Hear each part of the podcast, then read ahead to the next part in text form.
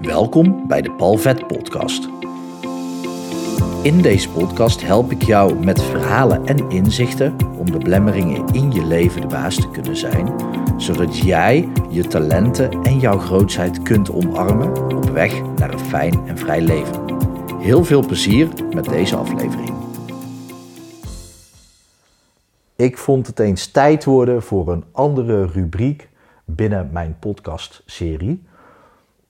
Ook omdat er binnen mijn hele podcastserie helemaal niks van een lijn in zit. Sterker nog, hij is inmiddels al een paar keer van naam veranderd. En ik praat eigenlijk over alles wat ik interessant vind. Uh, weliswaar om jou tips en uh, tricks mee te geven om een fijner en leuker leven te leiden. Um, en dan de laatste tijd ook wat vaker rondom het gebied van ondernemen. En natuurlijk het doorbreken van je, van je blokkades, dus loskomen van je blokkades. En daarnaast het activeren van de hogere trilling en de lichtere frequenties in jezelf. Dus natuurlijk, er zit wel een, een natuurlijke lijn in, maar nooit echt rubrieken of iets dergelijks. Dat heb ik wel eens gedaan natuurlijk. Maar nu wordt het tijd voor een hele grote rubriek. En ik ga het met je hebben, en dat zie je aan de titel, over Yoga Sutras. En toen ik ooit met yoga in aanraking ben gekomen, dat was voor mij een, nou laten we gewoon zeggen, hel op aarde. Want iedereen zei altijd, ja, yoga is goed voor je, moet je gaan doen. Dus echt uh, jaren geleden, zes, zeven jaar geleden, dacht ik, nou oké, als iedereen dat maar blijft herhalen, dan ga ik dat doen. Dus ik deed een proefles yoga. Nou, ik werd aan één iemand gekoppeld en ik werd uit elkaar getrokken en ledematen werden uit elkaar getrokken en ik moest in houdingen staan die ik niet aankon en daarna kon ik een week niet lopen. En ik dacht, dit is gewoon niks voor mij. Dit slaat helemaal nergens op. Waarom zouden mensen dit doen? En ik begreep er ook niks van. En daar kan ik heel slecht tegen. Op het moment als iemand tegen mij zegt: Ja, spring door die hoepel. Ja, leuk en aardig. Maar ik wil wel begrijpen waarom dat, dat nodig is. Desnoods zeg je, ja, op het moment als jij al twintig keer door die hoepel bent gesprongen, dan ben je leniger en dan ben je mobieler en dat levert je dit en dit op. Oké, is helemaal goed, dat is al genoeg. Maar ik wist helemaal niet waarom ik in die rare houdingen moest gaan staan en dat, uh, dat er een andere man aan mijn heupen aan het trekken was. Bij wijze van. Dus toen had ik het maar weer even links laten liggen. Maar het bleef gewoon op mijn pad komen. Yoga bleef op mijn pad komen. Dus nu, 2,5, 3 jaar geleden, dacht ik: oké, dan ga ik even een aantal weken ga ik yoga doen. Het scheen zo te zijn dat ik uh, die eerste proefles naar een bepaalde vorm van yoga was gegaan, die inderdaad best uitdagend was en dat dat helemaal niet handig was om te beginnen. En ja, blijkbaar had die ondernemer daar helemaal niet bij stilgestaan, want die dacht: iedereen moet gewoon bij deze proefles komen. Want iedereen die het leuk vindt, die gaat dan mij geld geven om mijn lessen te volgen. Of zoiets, denk ik maar. Ik snap dat niet.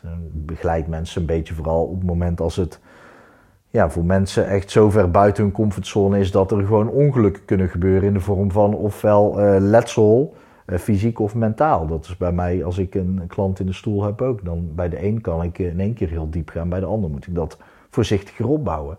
Maar goed, ik ging een aantal weken ging ik yoga doen op de sportschool. En ik merkte al wel dat ik iets, iets mobieler werd. Ik werd ook iets leniger. Maar ja, ik snapte het nog steeds niet. En wat er dan bij mij gebeurt, is dat ik na zes weken er vanzelf mee ophield. Want ik sportte al vier keer in de week. Als ik dan ook nog één keer in de week naar dezelfde sportschool ging voor yoga. Ja, dan, dan dacht ik, ja, yoga heeft voor mij de minste waarde. Want het levert mij het minst op. Ik wist niet wat het me opleverde. Ja, buiten een beetje leniger worden. Ik denk, ja, ik kan thuis ook wel mijn spieren oprekken. Nou goed, nu heb ik sinds, uh, ik weet niet wat het uh, vandaag is, 2 april is het nu vandaag. Sinds een aantal maanden heb ik een, een, een vrouw. En dat klinkt heel plat, maar dan weet je waar dit verhaal ineens vandaan komt. En zij is yogini, yoga teacher. En zij vertelde mij wat meer over yoga. En opeens kwam ik erachter dat die, die houdingen waar mensen mij de hele tijd in probeerden te proppen, is een onderdeel van het achtvoudige pad van yoga. En het achtvoudige pad van yoga is ook nog eens onderdeel van de wetenschap van yoga. Dus wat blijkt, mensen in die houdingen proppen, wat iedereen kent als yoga, dat is echt maar een heel klein deel van yoga. en is ook alleen maar een oefening of een discipline of een manier die bedoeld is om je iets anders te leren. Om je uiteindelijk iets te laten ervaren en zodat het je een bepaald iets gaat opleveren. En dat gaat helemaal niet over flexibiliteit of flexibeler worden of mobieler worden. Uiteindelijk is dat ook nog een symptoom ervan. Wat het dan wel is, nou daar ga ik het in deze aflevering nog niet over hebben. Want wat ik dus ga doen, is ik heb hier een boek voor me. Dat heet uh, De Yoga Sutras van Patanjali. Uh, geschreven door uh, Dr. Anders Ika Taimni. En ik zal het vast helemaal verkeerd uitspreken. Maar op basis daarvan, van dit boek, ga ik de Yoga Sutras bestuderen. En ga ik per Yoga Sutra, dus per sutra, ga ik een aflevering maken. Dus dit is uh, het begin van de hele reeks. En ik ga je meenemen in elke sutra. Ik ga je niet beloven dat er elke dag een nieuwe aflevering staat, want om eerlijk te zijn, het is best pittige kost. Dat komt ook goed uit, want ik heb een aantal maanden geleden al met mezelf afgesproken. Ik wil oude geschriften gaan lezen, omdat daar zoveel meer waarheid in zit dan in de meeste nieuwe wetse, meer oppervlakkige geschriften. Ik wil niet zeggen dat de nieuwe geschriften en boeken niet heel waardevol zijn, dat zeg ik niet. Alleen ik wil me richten op oude geschriften. Geschriften die eigenlijk de tand destijds hebben doorstaan en nu nog steeds blijkbaar van waarde zijn. Want yoga is hipper dan ooit. En blijkbaar is eh, yoga, de, de oefeningen doen, is een uiting van een klein onderdeel van de Yoga Sutras. Nou, de Yoga Sutras van Patanjali, dat zijn 196, uh, eh, zijn verdeeld in vier uh, delen. En um, ik ga je alvast beloven dat ik niet ga proberen om alle Sanskriete namen sowieso goed uit te spreken. En ik zal proberen om ze ook weg te laten. Um, want als ik ze soms al zie, als ik die in een podcast uit moet gaan spreken, dan ben ik straks een minuut bezig met het uitspreken van één woord. Daar heb je niks aan. Maar de vier delen bestaan uit, en dan zal ik ze wel even in Sanskriet, Sanskriet noemen, maar dan meteen de Nederlandse vertaling erachter. Dat is interessant, want het Sanskriet is één woord en de vertaling is een zin. Uh, dat zegt al genoeg, hoe, hoe lastig het misschien ook is. Want de Yoga Sutras zijn natuurlijk ook een vertaling vanuit het Sanskriet. Maar goed, de vier delen zijn Samadhi. Uh, dat is de toestand van meditatieve extase. Dus extase. Hè? En dan de toestand daarvan, de staat van meditatieve extase. Een ander deel is sadhana. Dat, is, dat zijn de voorbereidende oefeningen. Ik ga er nu al vanuit, eh, ik beloof het nog niet, hè, maar dat een van die oefeningen dus de asanas zijn, de houdingen. Dan uh, vibhuti, de hogere psychische vermogens. Nou, handig, want dat raakt heel erg aan wat ik als hypnotherapeut doe natuurlijk. Uh, en uh, kaivalya, de toestand van spirituele bevrijding. En dat raakt ook aan waar ik de laatste tijd heel erg mee bezig ben. Um, gecombineerd met hypnose en hypnotherapie en coaching en dergelijke, ook teachings.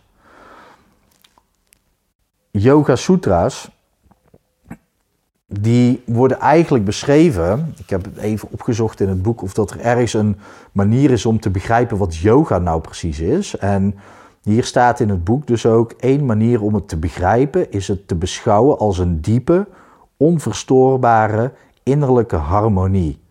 Dit is de natuurlijke toestand die verloren is gegaan door de duisternis en de egocentriciteit die het denken kwellen. Dus het gaat met name hier over um, de duisternis en de egocentriciteit die het denken kwellen. En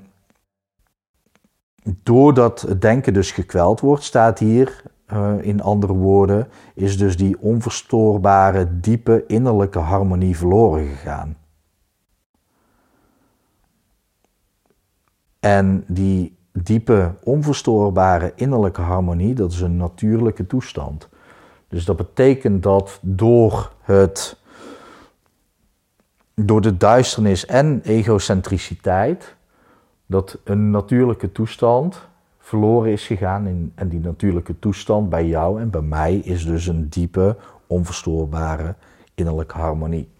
Op deze manier zal ik ook door het boek heen gaan. Ik zal dus niet dingen helemaal voorlezen. Ik zal misschien wel een citaat eruit pakken uit het boek. Maar ik zal niet het boek voorlezen. Het gaat erover dat ik een sutra benoem. Die staat in het boek in het Sanskriet en in het Nederlands daarna. En ik zal die benoemen. En ik heb het hoofdstuk dan al doorgenomen en voor mij al diepe gedachten erover, ehm, mijn diepe gedachten daarover laten gaan. Om eerlijk te zijn ben ik al een eindje op weg in het boek, maar ik ga nu van vooraf aan beginnen om het jou ook uh, mee te kunnen geven. En dan is het doel dat ik jou de filosofie erachter vertel, deel. Maar dat is natuurlijk mijn perceptie. En daarin neem ik jou mee op het pad dat ik dit aan het leren ben. En wat dus interessant is, is dat die vier delen, één deel daarvan, van die vier, daarin staat het achtvoudige pad beschreven. En één onderdeel van dat achtvoudige pad zijn dan die asanas die jij als yoga kent.